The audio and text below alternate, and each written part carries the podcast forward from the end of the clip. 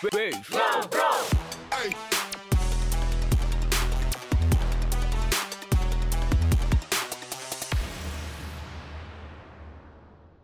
aja. Kalau dari segi Eh. rasa insecure lo, karena ini kan tadi ngebahasnya kan sama Insecure. insecure ya. Heeh. Eh, apa ya? Semua orang tuh pasti ya nggak semua orang orang yang PD-nya nggak ada akhlak emang. Tapi kebanyakan orang itu pasti punya insecurities apa pun itu. Mau ah gue nggak cantik ah gue nggak kaya gue nggak ini. Pasti punya hal yang bikin lo tuh merasa gue ini nggak cukup. Ya gue nggak mau ngomong ya udah pede aja kali. Orang gue aja nggak pede kok ya. Gue nggak mau munafik jadi orang. Jadi speaking from my experience ya ada lu bisa kok apa lebih baik lu bisa kok eh, lebih ya itu. Maksudnya ini tuh nggak akan selamanya. Mungkin nggak sih? Tergantung lu mau berubah nggak? Lu mau lu mau start kapan? Gue memutuskan start ketika gara-gara ini ada wabah ini dan semua harus dirumahkan di situ gue mulai oh ini gue pakai buat eh, ya benerin diri gue sendiri benerin mental gue gitu gue pakai kesempatan ini. Nah mungkin dengan adanya virus ini kalian punya banyak waktu di rumah mungkin atau apa kalian bisa lakuin ya sekarang. Gitu. Dan dengan gue ngelakuin kayak gini gue juga jadi lebih apa ya sehat lahir batin juga. Ibaratnya secara fisik gue merasa lebih baik. Secara mental juga gue udah nggak dikit-dikit breakdown lagi gue nggak dikit-dikit nangis atau panic attack lagi. Dan gue udah gue udah nggak minum obat lagi sejak ya udah ada dua minggu sampai tiga minggu sih gue udah off med karena bahaya kalau tiap gue breakdown gue harus minum obat terus. Gue nggak mau addicted aja gue nggak mau ntar dosis ini kurang gue minta dosis yang lebih tinggi lagi dosis yang lebih tinggi lagi. Takutnya gue mati OD ya ya walaupun gue kayak gini gue belum mau mati juga sih. Jadi ya ya udahlah gue Janganlah, kurang ntar nggak pamit gitu nge-podcast. hmm. mau nge-podcast dari alam gaib ini nggak lucu Nah iya, jangan di sono nggak ada studio makanya Makanya. Iya iya itu makanya ya gue gue gini sih gue nggak bilang lo harus ya ada metode orang tuh beda-beda. Gue juga ngefollow beberapa instagramers atau selebgram yang mengajarkan self love di brandingnya dia. Kayak ada yang metodenya adalah dengan ngomong di depan kaca kamu cantik kamu ini kamu ini. Ya kalau lu merasa seperti itu ya sok gitu silahkan. Tapi menurut menurut gue enggak karena gue gue nggak mau di dianggap kurang waras eh, dengan ngomong di depan kaca, hey Sania, eh sorry, hey Ciki, kamu cantik gitu. Gue di depan kaca ngomong sendiri kayak gitu, gue dipanggilin ustaz kira sama orang tua. kamu kenapa ngomong sendiri gitu kan? Kamu kenapa gitu? Latihan Gue teriak-teriak di depan di depan kaca ngomong, hei kamu cantik, kamu berharga, kamu ini. Ya heboh, anjir gue di, disangka ini anak kerasukan nih. Ya makanya metode itu nggak work, nggak nggak berfungsi buat gue itu, nggak mempan.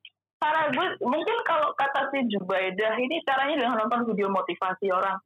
Ya kalau lu cocok dengan metode seperti itu, ya lakuin. Gue prinsip gue gini ya, lakuin apa yang menurut lo cocok, menurut lo enak gitu loh. Cara orang ngobatin dirinya sendiri itu beda-beda. Dia dengan cara self terapi, dia dengan sendiri, gue butuh bantuan profesional, gue butuh dokter. Itu aja udah beda, karena emang beda kasus dan beda kondisi. Jadi nggak bisa lo samain insecurities orang lain dengan yang lain gitu. Dan sekedar ngomong ya udah sih pede aja kali. Itu nggak cukup. Karena ibarat lo nyuruh orang yang kena asma bernapas.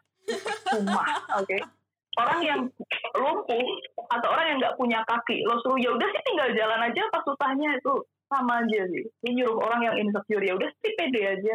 Yang gue tahu nyet tapi gimana caranya? Ibarat gue nggak punya kaki disuruh jalan. Ya nggak bisa jalan lah. Ngesot ya kocak kalau lu nyuruh. Kayak ya udah sih tinggal di tinggal buka aja mata lo nah orang yang lo bilang itu buta gitu loh. Jadi gue nggak ngerti sama orang yang ya tinggal love yourself aja kok ya gue tahu. Cuma caranya gimana? Ya caranya gimana itu setiap orang mungkin beda-beda. Kalau gue motivasinya dari diri sendiri dan orang-orang terdekat yang gue percaya. Benar. Gitu loh gue nggak gue nonton video motivasi malah cringe malah kayak apa sih bacot lo gitu kan. Malah nggak mempan. Karena gue mikirnya ah lo ngomong mah enak. Gue ngejalaninnya susah. Gue gue mikirnya gitu. Apaan motivasi kayak gini mah bullshit nih. Tapi menurut si Zubaida bisa ya lakuin. Ya gue nggak maksa si Zubaida lu ngikutin cara gue dengan ke dokter. Kalau dia nggak mampu dan nggak mau ya ya ya udah nggak usah gitu misalnya kalau gue kan insecure-nya lebih ke kayak physical appearance ya penampilannya. Well uh, I gain uh, some weight gitu kan over years gue berat badan gue naik. Ya meskipun masih batas wajar meskipun gue belum obesitas banget ya jangan sampai. Tapi gue ngerasa kayak gue udah gue makin jelek ya. Gue kurus jelek gue gendut jelek. Gimana dong gitu kan. Ah ini tuh do something ya udah mumpung ini gue manfaatin momen aja gue olahraga pelan-pelan ya gue nggak angkat beban juga nggak belum sampai ke situ pelajaran gue. Tapi ya ini lumayan lah. Ya gue masih tembem gue masih uh, sabi gue masih berat badan gue belum belum kelihatan langsing banget lah. Gue belum kayak model juga ya sampai kayak sumpit gitu badannya nggak belum sampai ke situ. Tapi tujuan gue adalah bukan buat kurus tapi buat sehat. Karena orang dulu gue pernah diet karena disuruh kurus. Gue waktu sekolah uh, gue udah kurus nih.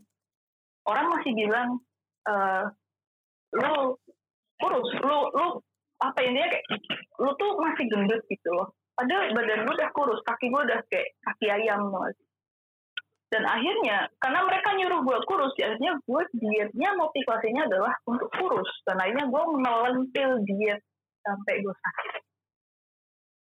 Karena motivasinya kurus bukan sehat. Kalau sekarang beda motivasinya adalah sehat. Jadi berapapun berat gue nantinya ya itu adalah kondisi terbaik gue gue sehat. Ya mungkin badan gue nggak kayak model Victoria Secret kurusnya.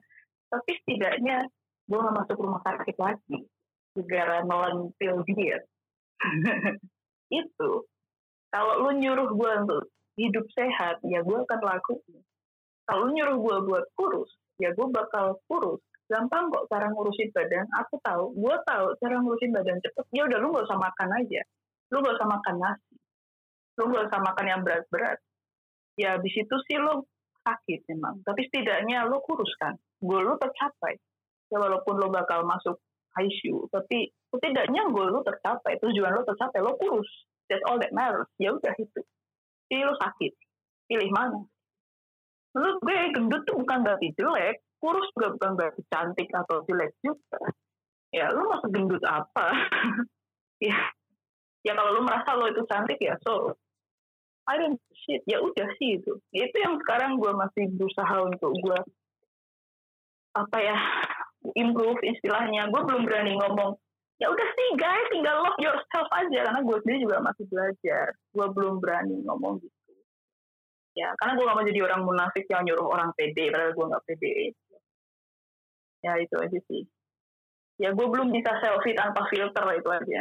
Berarti gue belum pede udah. Ya I hope suatu saat ya I hope someday gue bisa selfie nggak pakai filter dan gue ngerasa oh ya yeah, this is it gue puas dengan hasil selfie ini. Jauh ini enggak. Gue masih butuh filter. Ya pelan-pelan mau gue kurangin gitu loh. Pelan-pelan gue mau coba selfie nggak pakai filter nggak pakai makeup. Ya gue masih merasa belum puas ya. Berarti harus ada yang gue improve lagi gitu loh. Mungkin dengan skincare kulit gue bakal lebih mulus. Mungkin gue jadi nggak butuh filter lagi gitu loh. Itu aja sih. Bertahap pelan-pelan sabar sabar ya. Nggak ada yang instan. Kalau lo nyuruh gue buat ya udah sih san just love yourself. Ya ya ah udah tahu. Tapi apa nggak bisa semalam intinya. Sabar ya benar kayak si Jubaida aja butuh setahun. Lo kata kayak gitu apa sulap ah? Semalam jadi itu enggak enggak lah. Tuh. Dan gue yakin banyak cewek-cewek lain yang kayak gue juga yang struggling dengan ini self esteem ya di samping itu juga karena gue juga masih mencari jati diri. Ini aneh sih usia gue udah 20 tahun lebih tapi gue masih kayak anak ABG yang masih mencari UMI siapa gue gitu. Apakah gue telat puber ya gue nggak tahu. Tapi aneh ya karena ya karena kayak gini gue jadi nggak tahu gue siapa. Gue gue ini maunya apa itu gue bahkan nggak tahu kelebihan kekurangan gue apa. Ya gue tahu kekurangan gue tapi kelebihan gue gue nggak tahu Terus orangnya nanya oh, kelebihan lo apa? Kelebihan lemak eh, ya itu aja yang gue tahu gitu loh. Kelebihan berat badan. Itu doang yang di otak gue selama ini pikiran gue selalu negatif aja. Gue selalu denial selalu kayak enggak kok gue nggak masalah gitu kan. atau lu lu kayak gini ya lu ini ya. Enggak gue selalu ya itu nyangkal terus gitu. Ternyata itu nggak baik juga buat mental gue karena gue selalu denial seperti itu. Terus ya kalian jangan kayak gitu lah intinya. Jangan denial. Ya udah jujur aja kali gitu jujur aja sama diri lo sendiri lo maunya apa? Lo jujur sama orang lain lo maunya apa? Itu aja dari gue. Ya, makasih. Kalau Mbak Jubaida Ya, eh emang gue juga ada ya hal yang setuju dari Kiki itu kan. Kalau misalkan semua orang itu pasti ada insecurity masing-masing. Itu pasti semuanya adalah setiap manusia itu pasti ada aja yang yang sesuatu yang yang bikin dia itu nggak puas. Pasti ada. Tapi gimana caranya lu kontrol diri lu sendiri gitu. Cuma ini gue ada tiga poin buat ngingetin gue sendiri biar berubah. Tapi bukan berarti gue ngajarin buat kayak diri diri balik lagi bukan berarti lu pada buat maksain kalau misalkan itu harus diterapin buat diri lo itu tergantung diri lo itu karakternya gimana sikapnya gimana itu eh ya balik lagi sih buat lu yang ngedongkrak diri lu tuh lu yang tahu sendiri caranya gimana nah dari be yourself itu berarti kan eh, jadi Ah. pengen jadi orang lain lu terlalu jadi eh, coba diulangin lagi. pengen jadi Eh, suaranya putus-putus. Untuk jadi diri kita sendiri. terima gitu.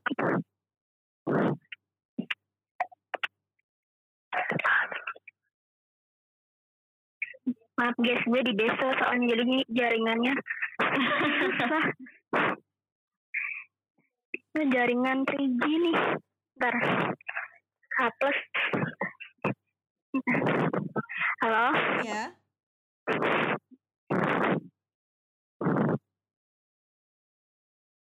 Ya, jadi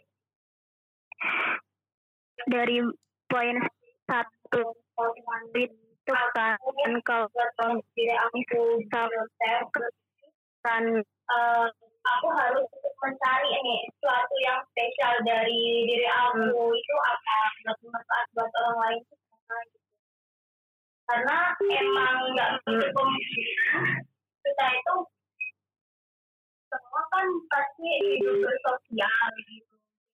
Kita juga butuh orang lain juga. Terus kita juga eh, buat nyenengin diri kita sendiri itu gimana? Buat bermanfaat bagi orang lain itu gimana? Terus yang poin kedua itu kan tapi kan kalau misal lu ngerti diri aku pasti dampaknya ke diri lu sendiri. Biar lu tuh terlalu yourself tuh biar Eh, gimana? motivasi buat Eh, gimana? Untuk yang poin kedua, uh, poin kedua itu kalau misalkan diri ini reconnecting by the way. semua kan bisa orang lain terus kita juga eh buat itu apa yang harus Eh, ulangin ulangin. Halo? Bisa denger nggak? Zubaida? Halo? Halo, Eh gue dengar mau naikin lagi nih. Udah. Udah, udah, udah.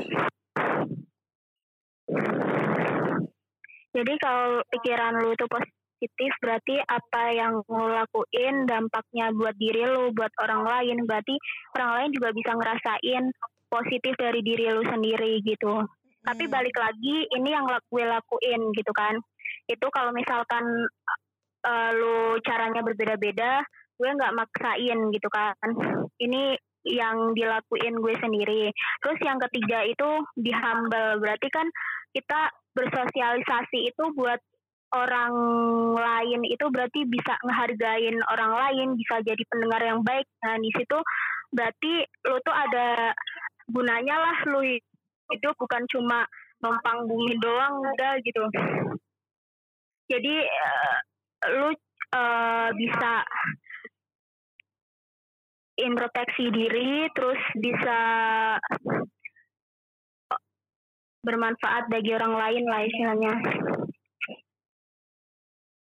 Nah balik lagi buat fokus lihat ke atas, buat berjuang, buat masa depan lu masing-masing, terus lihat ke bawah buat bersyukur lah. Nggak semuanya orang tuh eh, nggak semuanya itu orang lebih bahagia dari hidup lu. Pasti kalau misalkan kita itu merasa hidup kita tuh apa sih kayak nggak ada nilainya banget gue hidup gitu. Nah, ini gunanya Tuhan buat nyiptain kita di sini tuh apa gitu. Aduh. Jadi pastilah ada yang lebih bawah. Jadi ya lu Oke, lanjutin. Sungguh berat bahasanya. Aduh, aduh, aduh, aduh. lanjut, Bahasanya berat, coy. lanjut, oi. Lanjut, lanjut.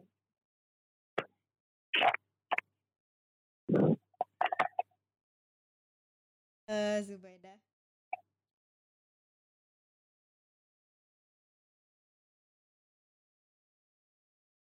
Halo? Jawab, nih. Loh, mana orangnya? Eh, bentar, gue mau nambahin bentar.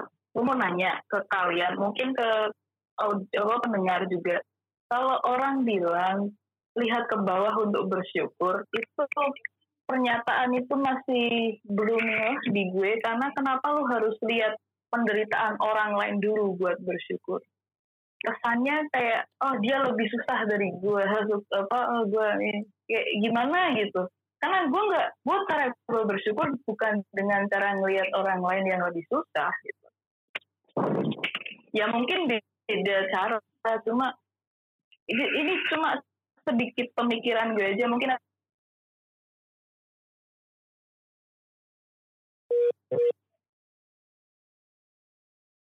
ada pendapat lain itu aja statement itu kan bukan dia orientasi juga latar belakang yang buruk yang lebih menderita daripada lu. Jadi di bawah itu bukan berarti eh, eh, suatu yang lebih menderita lebih miskin dari lu gitu.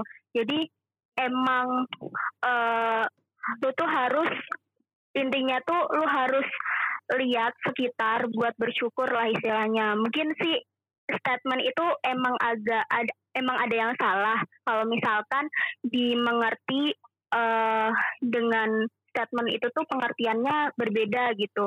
Kalau misalkan eh di baw- ke bawah itu cuma buat lihat yang miskin doang itu menurut gue juga salah sih. Misalnya kalau bukan dari segi materi ya, dari segi mental. Karena gue juga ngerasain depression, anxiety juga. Kalau gue lihat ada orang yang bunuh diri, berarti kan dia secara penyakit mental lebih berat dari gue sampai bunuh diri loh. Berarti gimana? Oh, bersyukur gue belum mati. Ya iya bagus sih, cuma apa ya? Kenapa harus lihat orang lain mentalnya jauh lebih buruk dari kita dulu baru kita bersyukur? Itu aja sih. Mungkin Why? konteksnya Ya mungkin kalau kali kalian nggak mau jawab Eh, ya nggak gua apa-apa. ya. Gue di Iya. sini sebagai host Ah. gue nengahin ya. Maksudnya yang dimaksud dengan mungkin ada beberapa sering kan kayak motivator atau orang lain yang menyebut tengoklah ke bawah untuk lebih bersyukur. Itu apa itu konteksnya hanya untuk lebih bersyukur dalam arti apa? eh, masih ada orang lain yang memiliki masalah lebih berat tapi dia bisa melewatinya kita melihat dari segi Iya, nilai yang itu. positif bukan bukan kita ngelihat dari segi yang oh dia bunuh diri. Ya udah gitu. Itu berarti kita hanya melihat dari satu sisi point of view. Sedangkan eh, mungkin kita kalau ketika kita melihat dari sisi yang lain dari sosok orang yang bunuh diri ini mungkin hal yang terjadi dengan kehidupan dia ini sangatlah berat di mana mungkin emang dia sudah ditakdirkan untuk melewati hal-hal itu dan mungkin itu emang udah istilahnya udah saatnya dia dipanggil sama Tuhan kali ya. Gue juga masalah agama gue bukan seorang yang pantas untuk ngomong tentang agama jadi gue melihat dari sisi manusia aja sih.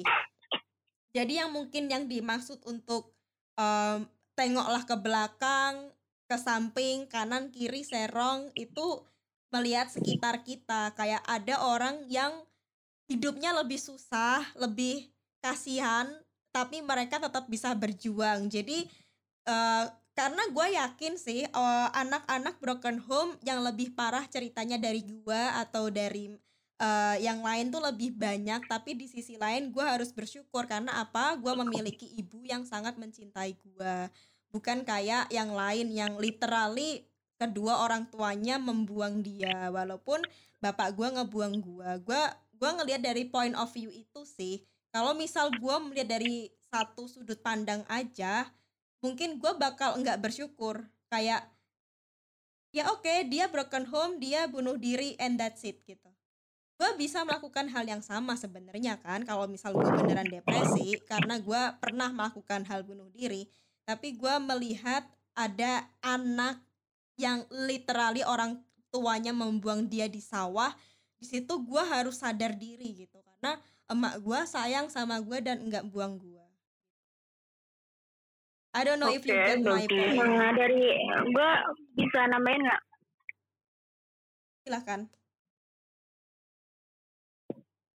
Ya, jadi kalau misalkan kita lihat dari semua sisi kan berarti kan kita bisa tahu ada yang lebih kas ada yang lebih kasihan dari kita tapi ya balik lagi eh, seperti kayak Ika bilang itu kalau misalkan kita bisa berjuang gitu loh kayak mereka di masa titik terendah pun mereka itu bisa gitu lagi gitu. Terus kayak contoh dari Ika bilang itu tadi ada Eh, ulangin anak ulangin. yang dibuang di sawah. Heeh. Oke, udah clear udah clear. Ada ada anak uh, yang dibuang di sawah pasti kan kita nggak tahu uh, pikiran orang tua pas ngebuang anaknya itu kayak apa. Kita juga nggak bisa ngejudge satu sisi oh ini an- langsung anak haram gitu. Dia kan enggak kan? Berarti dari situ anak yang dibuang itu juga harus bersyukur. Belum tentu anak yang dibuang di sawah itu bisa ditolong sama orang yang baik kayak keluarga kita sekarang gitu. Keluarga dia yang menolongi anak yang dibuang di mana pun lah yang nggak diakui orang tuanya gitu. Jadi dia itu juga harus bersyukur kalau misalkan anak yang dibuang itu ada banyak yang lebih menderita hidupnya gitu loh iya sih ada Pernah yang sih kalian disuruh disuruh Ada- bersyukur karena dilahirin, sedangkan lu nggak pengen dilahirin? Maaf pertanyaan gua nih aneh. kalau gue sih sebenarnya gue yakin ya ketika ketika gue dulu sebelum ada di bumi gue sendiri yang minta sama Allah yang minta sama Tuhan untuk dilahirkan sih karena gue percaya akan adanya kisah di mana bukan kisah ya tapi pelajaran suatu agama kayak sebelum kita lahir kita udah dijanji sama Tuhan tentang takdir kita. Kayak ya rezeki jodoh maut itu ya. Eh, terus gue udah bilang yes gue sanggup. Karena gue terlalu excited aja sama dunia. Dan itu kenapa baji itu tangannya menggenggam yang artinya itu excited dan kenapa ketika orang meninggal itu tangannya itu tidak menggenggam tapi lemes? Karena dia udah merasa ya udah gitu. Ya udah istilahnya ya udah ya udah gitu. Kayak misalnya lu udah dapet lu pengen permen lu dapat permen ya udah gitu. Jadi gua sendiri yang minta untuk dilahirkan kalaupun misal gua merasa terpuruk dan menyesal itu gua harus istilahnya apa ya berkaca sih. Gua sendiri yang minta kenapa gue yang nyesel ya gitu jadi ya istilahnya gua dibilang malu sama Tuhan gitu karena istilahnya gua pengennya A udah dikasih A eh kayak gini gitu. Kalau gua sih gitu sih itu kalau opini gua ya gitu. Iya, kalau kalau kalau gue juga kalau misalkan disuruh milih terus gue milih-milih hidup gue pengen enak gue juga pengen juga kalau misalkan latar belakang gue itu gak seburuk gini gitu loh. Tapi balik lagi yang di atas pasti ciptain gue dengan masalah banyak kayak gitu pasti eh, yang di atas percaya kalau misal gue tuh bisa ngelakuin semua itu gitu. Ya jadi emang sekilas gue juga pernah dulu kayak kenapa sih gue dilahirin dari keluarga yang penuh kekerasan terus dari anak seorang pemabuk nggak kayak teman-teman yang bisa hidup enak lah di rumahnya tenang nggak mikirin sesuatu yang eh maksudnya nggak umum dipikirin sama anak masih kecil itu yang lain senang-senang sama keluarganya. Terus aku, aku sendiri itu emang nggak ada sena maksudnya ya bukan nggak ada kesenangan sama sekali ya tapi gue merasa eh insecure balik lagi insecure itu ada karena gue bilang ke Tuhan kalau misalkan kenapa sih gue ditakdirin gue diciptain hidup buat banyak masalah gitu. Nah terus pas gue udah gede kayak gini gue sadar gitu kalau misalkan gue nggak dikasih banyak masalah gue nggak tahu solusinya gimana gitu. Dan monoton aja gitu hidupnya menurut gue gitu. Gue sempat dulu mikir buat apa sih gue dikadirin kayak gini terus jalan hidup gue kayak gini. Tapi asli nanti tuh bakal tahu gitu. Pas lu tuh ya di masa titik sadarnya itu cuma cuma yang di atas yang bisa ngatur gitu. Gua setuju sih bentar, karena bentar. basically Itu kalau Tuhan itu eh, ngasih cobaan itu tidak melebihi dari batas orang yang dikasih cobaan Burhan mau ngomong? Ya, tadi mau ngomong tadi ngomong apa kan cuma kata-kata. Em, patah-patah? Yang tadi kan katakannya apa masalah terus Eh, bisa ulangin lagi? tadi katakannya ngomongin di luar topik. Nah itu lu cuma Em, kata-kata. Nggak jelas. Halo? Iya, halo. Iya. Sikat aja. Ya, halo? Sok sok. Halo dengar nggak? Iya dengar dengar. Nggak tadi kan di Sania sempat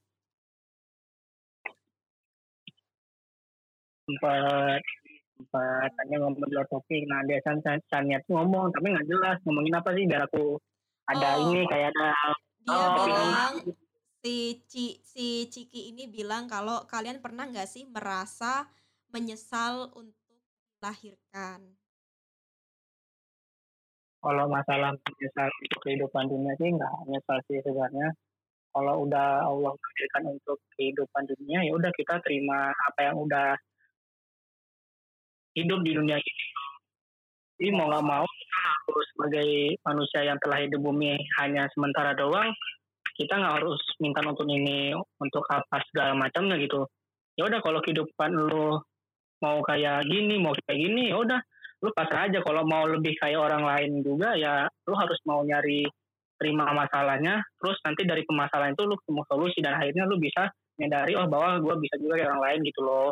Cuman kalau masalah kehidupan untuk sekarang ini ini gue pasrah aja sama, sama Allah apa yang gue kerjakan apa yang gue lakuin berdoa supaya bisa jadi yang lebih baik lagi gitu. Itu aja sih kalau menurut opini gue kalau masalah kehidupannya udah terakhir pasrah aja gitu intinya berdoa aja sih Nah, jujur aja gue malu buat tanya kayak gini sih sebenarnya. Gue malu. Iya. Kenapa malu? Karena gue Kenapa merasa pertanyaan gue goblok banget tau gak sih? Em, tapi gue Dan- yakin banyak orang di luar sana yang punya pemikiran atau pertanyaan yang sama. Jadi ini bisa mewakili orang teman-teman kita di luar sana ya yang istilahnya Nah, mungkin tapi merasa desperate gitu iya, ini juga pertanyaan orang lain juga sebenarnya gitu. Gue banyak diskusi sama orang-orang yang pesimis banget ya. Dan mereka hampir semua pandangannya seperti itu gitu. Gue lahir karena orang tua gue somehow nangis satu di suatu malam. Mereka ngomong kayak gitu literally ke depan gue dan gue mikir iya juga ya itu loh. Ya. I exist because my parents had sex 23 years ago. Ya, ya benar itu, nggak salah. Gue nggak tahu-tahu lahir kayak apa dari seorang perawan juga kayak Nabisa, ya kan? Apa, gue manusia biasa yang lain, gue Iya diciptakan dari you know lah gitu, proses bikinnya gimana.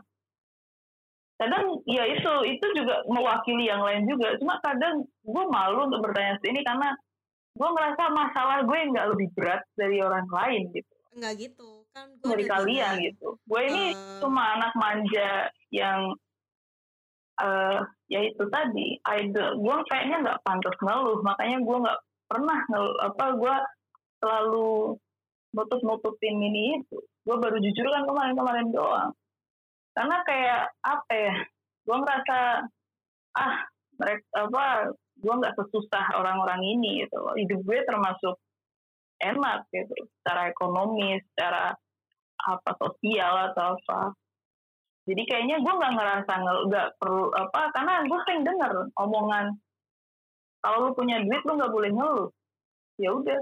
Oh iya. Walaupun sebenarnya gue juga punya keluh kesah ya udah gue gue diem aja gitu loh. Karena kayaknya nggak relevan kalau gue ngeluh atau gue curhat apa. Kan orang Ah. pasti bilang tapi kan hidup masalah lo nggak kan susah. gitu. ekonomi ya kayak Iya, tapi mereka selalu ngelihatnya otomatis ekonomi lu baik, lu nggak punya masalah gitu loh. tapi Makanya gue kadang malu buat nanya kayak gini. Permasalahan hidup itu Kan- bukan cuma karena ekonomi by the way banyak anak-anak di luar sana yang korban cerai atau anak-anak mungkin kayak anak yang dibuang di sawah itu dan lain sebagainya mungkin mungkin ya mungkin orang tuanya tajir tapi mungkin karena hasil selingkuhan atau atau at some point hubungan gelap gitu gimana? Jadi bukan karena finansial dong ya yang jelas. Tapi emang mungkin udah takdirnya seperti ini ibarat kita main game gitu ya game The Sim gitu ya yang playernya ini udah pengennya gini gini gini which is itu berarti em, Tuhan ngasih skenario kita hidup beda-beda supaya apa sih? Kan gue ngelihatnya supaya gue bisa belajar dari kisah-kisah kalian gitu dan kalian bisa nge-share ke teman-teman lainnya dan kalian bisa memotivasi kalian bisa mewakili perasaan-perasaan mereka keluh kesah mereka gitu sih. Dan problematik hidup kita ini pasti beda orang beda karena balik lagi gitu. Karena ya Tuhan memberikan cobaan itu sesuai dengan orangnya masing-masing mungkin Tapi- kalau cobaan gua nggak akan relevan ke lu juga karena bapak lu bukan abusive ya kan jadi itu nggak relevan dong Heeh. Cuma kalau apa ya, gue nggak punya keluhan yang sekacau atau separah beda my ulangi gue ulangi mengutarakan, ah ini loh, gue punya masalah ini. Maksudnya masalah gue nggak seberat lu berdua gitu loh. Jadi ketika gue mengutarakan, ini loh, gue punya masalah ini. Mereka selalu bilang, hidup lo kan enak, masa masa masa sih lo punya masalah kayak gitu. gua nggak pernah bilang Jadi itu yang membuat gue jadi males. Sebenarnya Iya Gue makanya gue cuma curhat ke orang-orang ini aja gitu. Gue nggak mau curhat ke orang lain. Nah, jawabannya sih kayak gitu. Karena jujur kalau mungkin gue di posisi lu juga nggak bisa ya karena em, orang Hmm. tua lu memberikan aturan dan gue tidak bisa menerima itu. Bukan karena gue tidak pengen jadi anak yang baik cuman karena gue ini nggak pengen dikekang untuk supaya apa? Supaya gue bisa berkembang sendiri tanpa adanya istilahnya dikarbit gitu ya. Gitu sih. Mungkin kalau gue merasakan jadi lu juga gue mungkin nggak sanggup juga gitu. Jadi orang Jadi- udah ada porsinya sendiri-sendiri sih gitu? Jadi intinya emang semua orang tuh udah ada batasan-batasan sendiri jalan hidup hidup sendiri Benar. gitu terus ada karakter masing-masing gitu buat ngadepin ma- masalahnya. Mungkin eh, aku sebagai Zubaidah nggak bisa ngalamin nggak bisa ngadepin masalah kayak Ciki terus aku, gue juga nggak bisa ngadepin suatu masalah kayak Ikali Iva. Itu pasti nggak bisa gitu loh karena ya gue dikasih kemampuan dari atas ya kayak gini semampu gue kayak gini gitu. Dan masalah setiap orang pasti emang beda-beda dan Mm-mm. eh, sisi positif social distancing ini kan emang sebenarnya ada ada manfaatnya kan Iya, buat kita tuh bisa introspeksi emang kayak Ciki bilang dia semenjak social distancing ini dia juga bisa ngenalin diri ya walaupun belum 100% kan. Jadi di sisi lain juga kita bisa curhat di sama yang di atas langsung lebih misal imannya lebih dikuatin lagi gitu atau deket sama keluarga juga. Mungkin selama ini yang emang dari keluarga emang mampu bukan cuma ekonomi. Kan masalah juga benar kata Khalifa juga nggak semua masalah dari ekonomi semua gitu. Jadi emang kalau misalkan keluarganya latar belakangnya juga udah bagus tapi ada sisi lain yang bisa bikin anaknya drop mungkin ya dari situ dari social distancing ini bisa ngenal keluarga satu sama lain gitu. Yang selama ini tuh kita nggak bisa ngenalin orang terdekat kita yang dari dulu kita dari lahir itu mungkin ya emang belum bisa mengenali bila dari sini tuh kita bisa kenal gitu. Karena kan kita juga di rumah terus gitu kan. Itu aja lagi sih, gue mau ngasih tips juga buat kalian yang ngalamin eh kayak apa gitu. Eh apa? bukan gue nggak bilang cyberbullying. Gue ngasih tips buat itu. Ya ini mungkin tipsnya udah banyak diomongin orang, tapi percaya deh ini tuh works ya. Kayak slogan iklan, iklan elemen, trust me it works. Apa, blog dan unfollow orang-orang yang toxic. Oke. Karena gue ngelakuin itu baru-baru ini doang sejak ada himbauan suruh karantina itu. Gue buka Instagram, gue cek semua following followers gue. Siapa nih kira-kira yang sampah gitu loh ya yang nggak membawa dampak positif yang ada negatif mulu ke hidup gue. Gue nggak peduli dia siapa keluarga kayak temen kayak teman lama kayak yang kira-kira udah nggak guna gue blokin semua tanpa ampun. Block unfollow bahkan ada yang gue report report spam. Karena ternyata itu fake account yang cuma buat mata-matain gue atau stalking gue jadi eh, itu aja sih. Atau kalau kalian mau lebih ekstrim lagi ya hapus semua akun sosmed. Cuma jujur aja gue belum bisa ngelakuin itu. Gue masih kecanduan sosmed. Cuma ya ini gue kurang-kurangin dan gue blok orang-orang yang gak mutu itu tadi Itu aja sih. mungkin itu gue ada pertanyaan ya. Apa? Misal nih. Gue bi- bisa ngelakuin 100% yang lo lo rasa ganggu hidup lu kayak sosmed dan lainnya yang bawa sisi negatif lo itu misalkan bisa lo lakuin lu jadi gimana gitu perubahannya gitu? Atau Eh. lu lebih gimana gitu? Sebelumnya kan gini ya gue tuh apa pun dia sosmed gue Instagram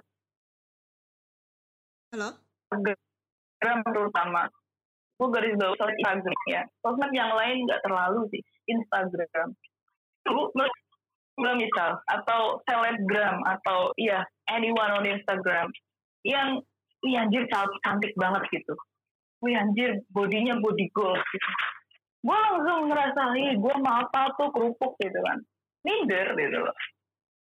Setelah gue nonton di YouTube banyak orang-orang yang mengulas ternyata bahkan sekelas artis itu juga mereka ngedit fotonya sampai mati-matian, aslinya burik, aslinya nggak kayak gitu badannya.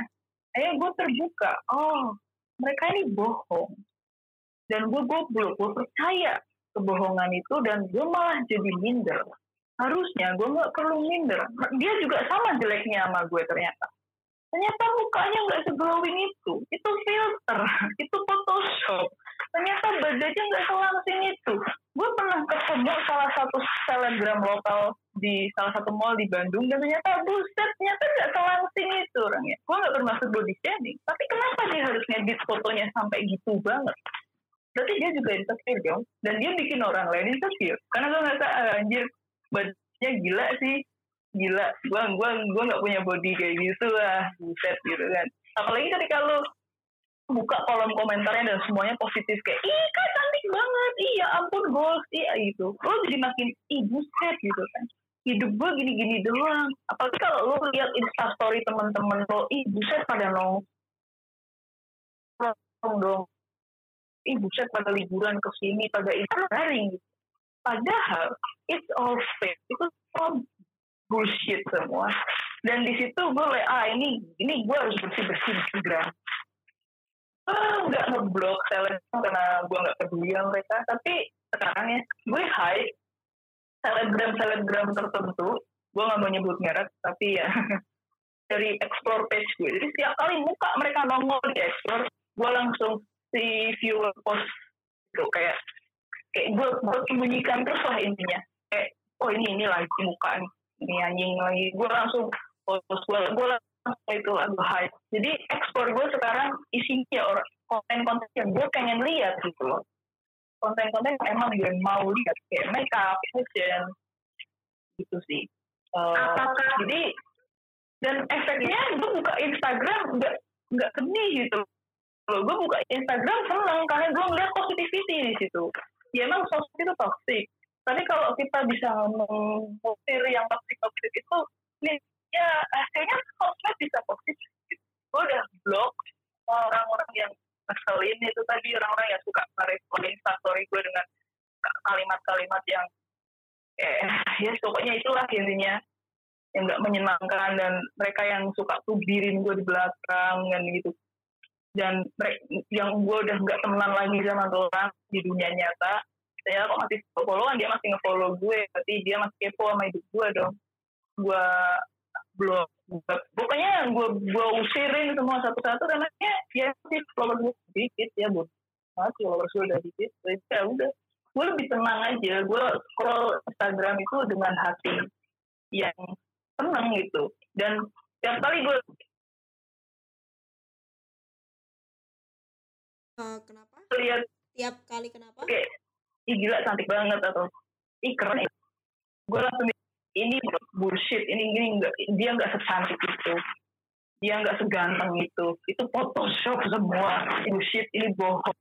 Allah ini santai ikutin gitu. Gue terus gue unfollow semua selebgram selebgram gue dulu ngefollow banyak selebgram sekarang udah enggak ya kecuali selebgram tertentu yang gue cari kontennya dan gue gue lihat kontennya jujur gitu. Dia nggak ngedit fotonya sampai nauzubillah beda banget itu ya intinya kita sebagai pengguna sosmed harus selektif dan hasilnya emang enak banget guys. Lo nggak emosi buka Instagram atau merasa kayak tai gue kayak kentang anjir. Gue kayak kerupuk gitu. Kayak gue merasa aduh buset yang di Instagram gue cantik-cantik semua gue yang buluk gitu. Lu gak merasa kayak gitu lagi setelah lu buang orang-orang yang ya lu gak mau lihat lah. Intinya itu sih? Mereka semua palsu semua. Dan kalau lu lihat kayaknya hidupnya enak ya kayak liburan terus ya. Ya mereka liburan tuh karena endorsement sayang. Itu tuh dibayarin. Atau mungkin ngutang kita nggak tahu kan. It's all fake it's all bullshit. Ya udah. Sekarang gue lebih gue pakai Instagram buat hiburan aja. Bukan buat uh, bikin ngerasa kayak uh, gue gue jelek gitu atau apa ya gue nggak cakep-cakep amat tapi gue nggak jelek gitu. dan ternyata mereka juga sama jeleknya kayak gue gitu di dunia nyata. Mukanya nggak seglowy gitu. Itu sih kalian kalau lihat mungkin artis atau selebgram yang buset gitu kan glowingnya paripurna. Inget aja itu itu itu filter itu itu photoshop. It's all bullshit. Ya nggak semua ngedit foto kayak gitu tapi mayoritas gue rasa mereka ngedit sampai ke tangan-tangan ngeditnya sampai ke body ke baju ke rambut loh diedit. Ada yang sampai ekstrim itu ada selalu gendut yang ngerasain ini ini semua gue out semua gue gue nggak blok tapi gue hide. Uh, intinya kalau ada mukanya di explore gue gue langsung apa sembunyikan sembunyikan gitu. Gue gak mau ngeliat orang bohong lah di Instagram gue gitu. dan orang-orang yang uh, kayak ngebales instastory gue dengan aneh-aneh kayak apa gitu-gitu langsung gue blok. Gitu efeknya bagus kok guys. Gitu. pelan-pelan. Hmm, cek. Uh, halo? Dari lu ngebuang dari sisi sosmed, sisi negatif, jadi lu kan bisa adem nih artinya sekarang sekarang ini jadi berubah gitu lah lebih positif lagi. Apa lu jamin dengan sosmed itu lu bisa sepenuhnya berubah kalau misalkan nanti dari orang terdekat lu yang lu nggak pernah sangka selama ini membawa sisi negatif buat lu, lu bakal kayak gimana gitu? Di dari oh. selain sisi sosmed gitu. Oh, uh, gini ya. Gue selama ini tuh selalu berusaha yang namanya ngindarin konflik, terutama sama keluarga. Oh itu keluarga jauh atau dekat. Karena gue megang prinsip uh, gue nggak mau ribut sama keluarga intinya karena ya itu mereka masih sedarah sama gue gitu loh kayaknya kok nggak etis kalau gue ribut gitu ya kan sama saudara sendiri kayak perang saudara antar tapi ya itu tadi nggak semua saudara gue ya adalah saudara gue yang toksik adalah adalah keluarga ada anggota keluarga uh, bukan keluarga inti sih ya. Bahkan orang-orang yang cuma ketemu gue kalau lebaran itu berani banget bacotin dan kayak usil banget hidup gue intinya. Gue mulai jauhin mereka tanpa ampun. Chat nggak gue balas lagi. Gue keluar dari grup keluarga gue keluar dari grup Facebook keluarga WA sama Facebook ya walaupun udah satu perusahaan juga sih amat tapi intinya gue uh, mulai kayak pilih-pilih lah gitu. Dan mereka ya iyalah, mereka kaget lah. Mereka bakal, ih, ih, si Ciki ngeblok gue gitu, ih kurang ajar gini-gini. Ya udah amat sih. Ya gue pengen hidup tenang itu aja. Gue pengen hidup damai. Ya kalau orang terdekat yang paling dekat gue bisa sahabat gue nusuk gue di belakang. Ya udah gue buang udah ngapain dipertahanin lagi? Kok dia udah nggak butuh gua kok? Ya udah gua buang aja. Lu mau keluar dari hidup gue silahkan gue nggak akan ngejar. Karena gue punya banyak mantan temen. Temen yang dulu temenan sekarang enggak ya gue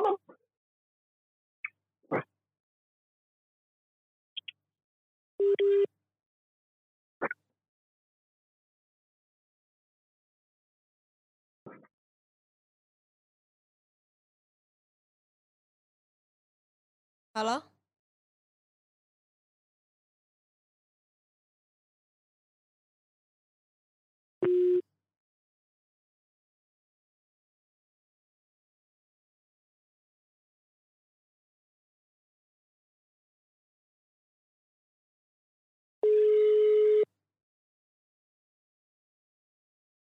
Halo?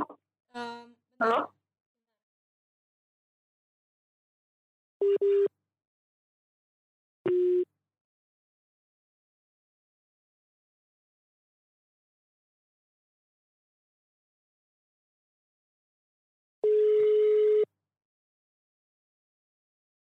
Kedengeran nggak? Sinyal rusak guys. Buang aja, buang, buang, buang. Buanglah sampah pada tempatnya. Udah itu aja. Ya mau sampah sosmed, sampah keluarga, sampah masyarakat, sampah di hidup lo, buang aja udah. Itu sih pelan-pelan ya nggak bisa dalam waktu satu hari lo putus hubungan, putus silaturahmi sama sepupu atau apa. Tapi ya pelan-pelan lo nggak akan balas chatnya kayak atau ya lu beranikan diri buat ngomong enggak gue enggak setuju sama cara lo gue itu buat bukan lo ya nyet gitu. Intinya gitu. yang terakhir dari Burhan ada yang mau disampaikan buat um, apa ya mungkin buat laki-laki yang masih ngejudge wanita harus karena balik lagi ya ini topiknya itu tentang insekuritas wanita kepada pria-pria yang ngecap dia ini nggak bener dan sebagainya. Mungkin bisa dikasih tips buat para laki yang di luar sana atau mungkin tips ke cewek ke cewek-cewek yang di mana mungkin siapa tahu uh, dari lu ngomong ini cewek-cewek di luar sana ini bisalah terbuka pikirannya masih ada lelaki yang open minded kok gitu. Uh, bos boleh request tadi kelimanya diulang Kenapa? Bisa diulang nggak? Um, dengar nggak suaranya? Dengar, dengar. Uh, mungkin uh, lu bisa ngasih tips buat cewek, bukan tips ya, mungkin kayak saran gitu uh, atau ngasih poin gitu buat cewek-cewek di luar sana kalau masih ada cowok yang open minded nggak semuanya itu bakal ngejudge lu lu cewek nggak bener dan lu nggak pantas jadi istri gitu dan mungkin buat salam-salam buat para lelaki di luar sana yang pikirannya masih seperti itu. Supaya apa sih? Supaya mereka mungkin terketuk hatinya karena yang ngomong laki gitu kan.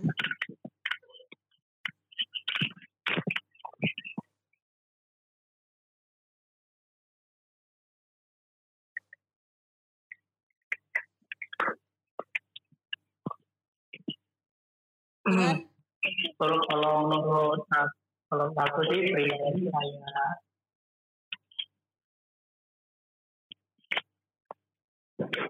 Bentar ya, sebentar ya. Uh, Burhan, bisa diulangin?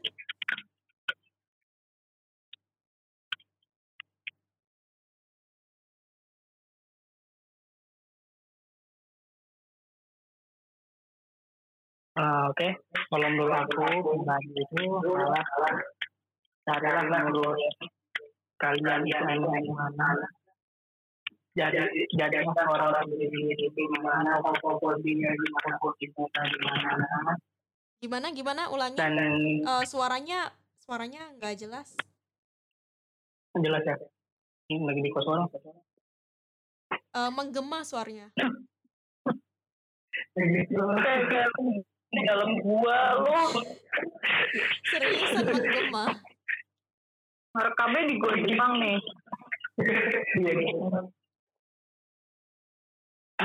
Jadi untuk motivasi untuk kalian yang pernah mengalami pengalaman buruk dari yang apa yang jadi pada saat cewek ya lebih baik kalian tadi tadi lupakan masalah masalah masalah kalian dan jangan berfokus uh, bentar. omongan orang. Uh, jangan di loudspeaker ini di loudspeaker nggak?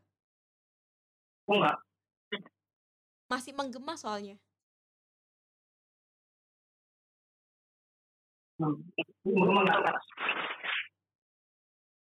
Menggema kayak di gua gitu. Jadi nggak jelas. Ini? Um,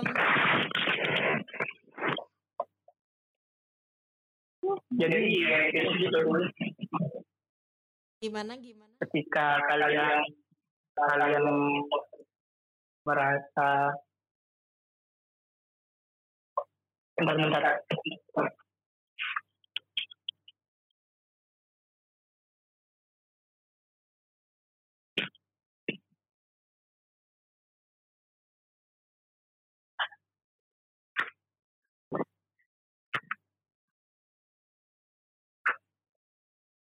halo iya benar-benar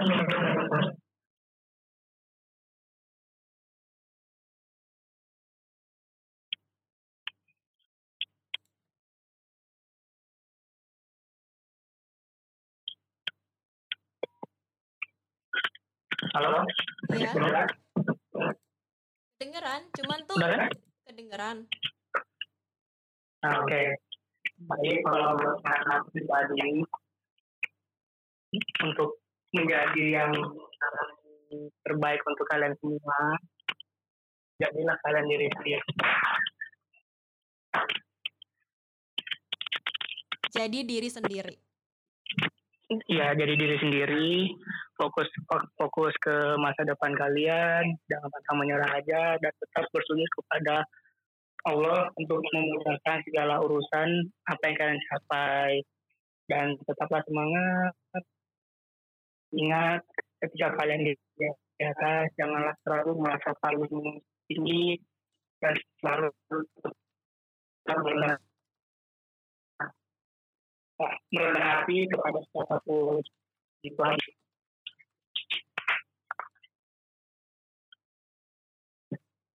Udah gitu aja. Iya, gitu aja. Simpel, ada jelas, walaupun ada kata-katanya semua. Oke, kalau berarti udah semua lah ya.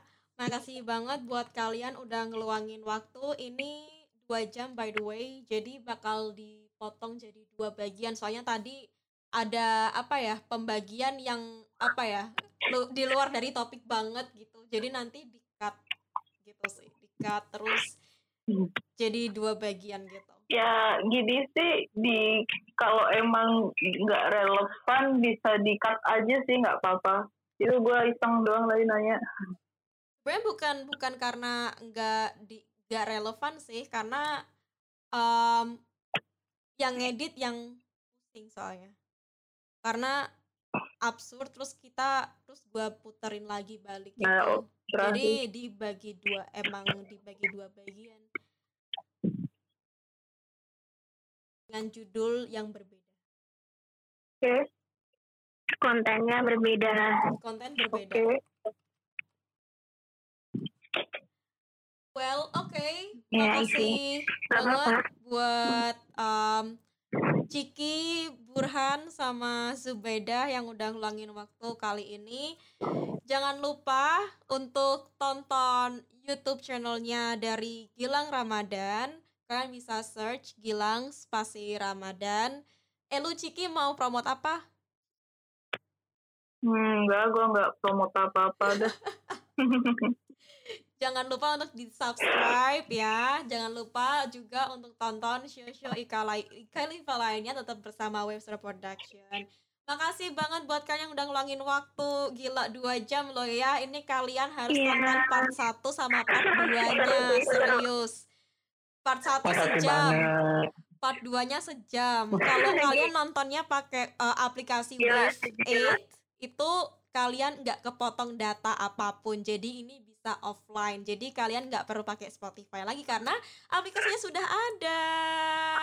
Yeay. Jangan lupa di download ya geng See you in the next episode. Bye bye Iya.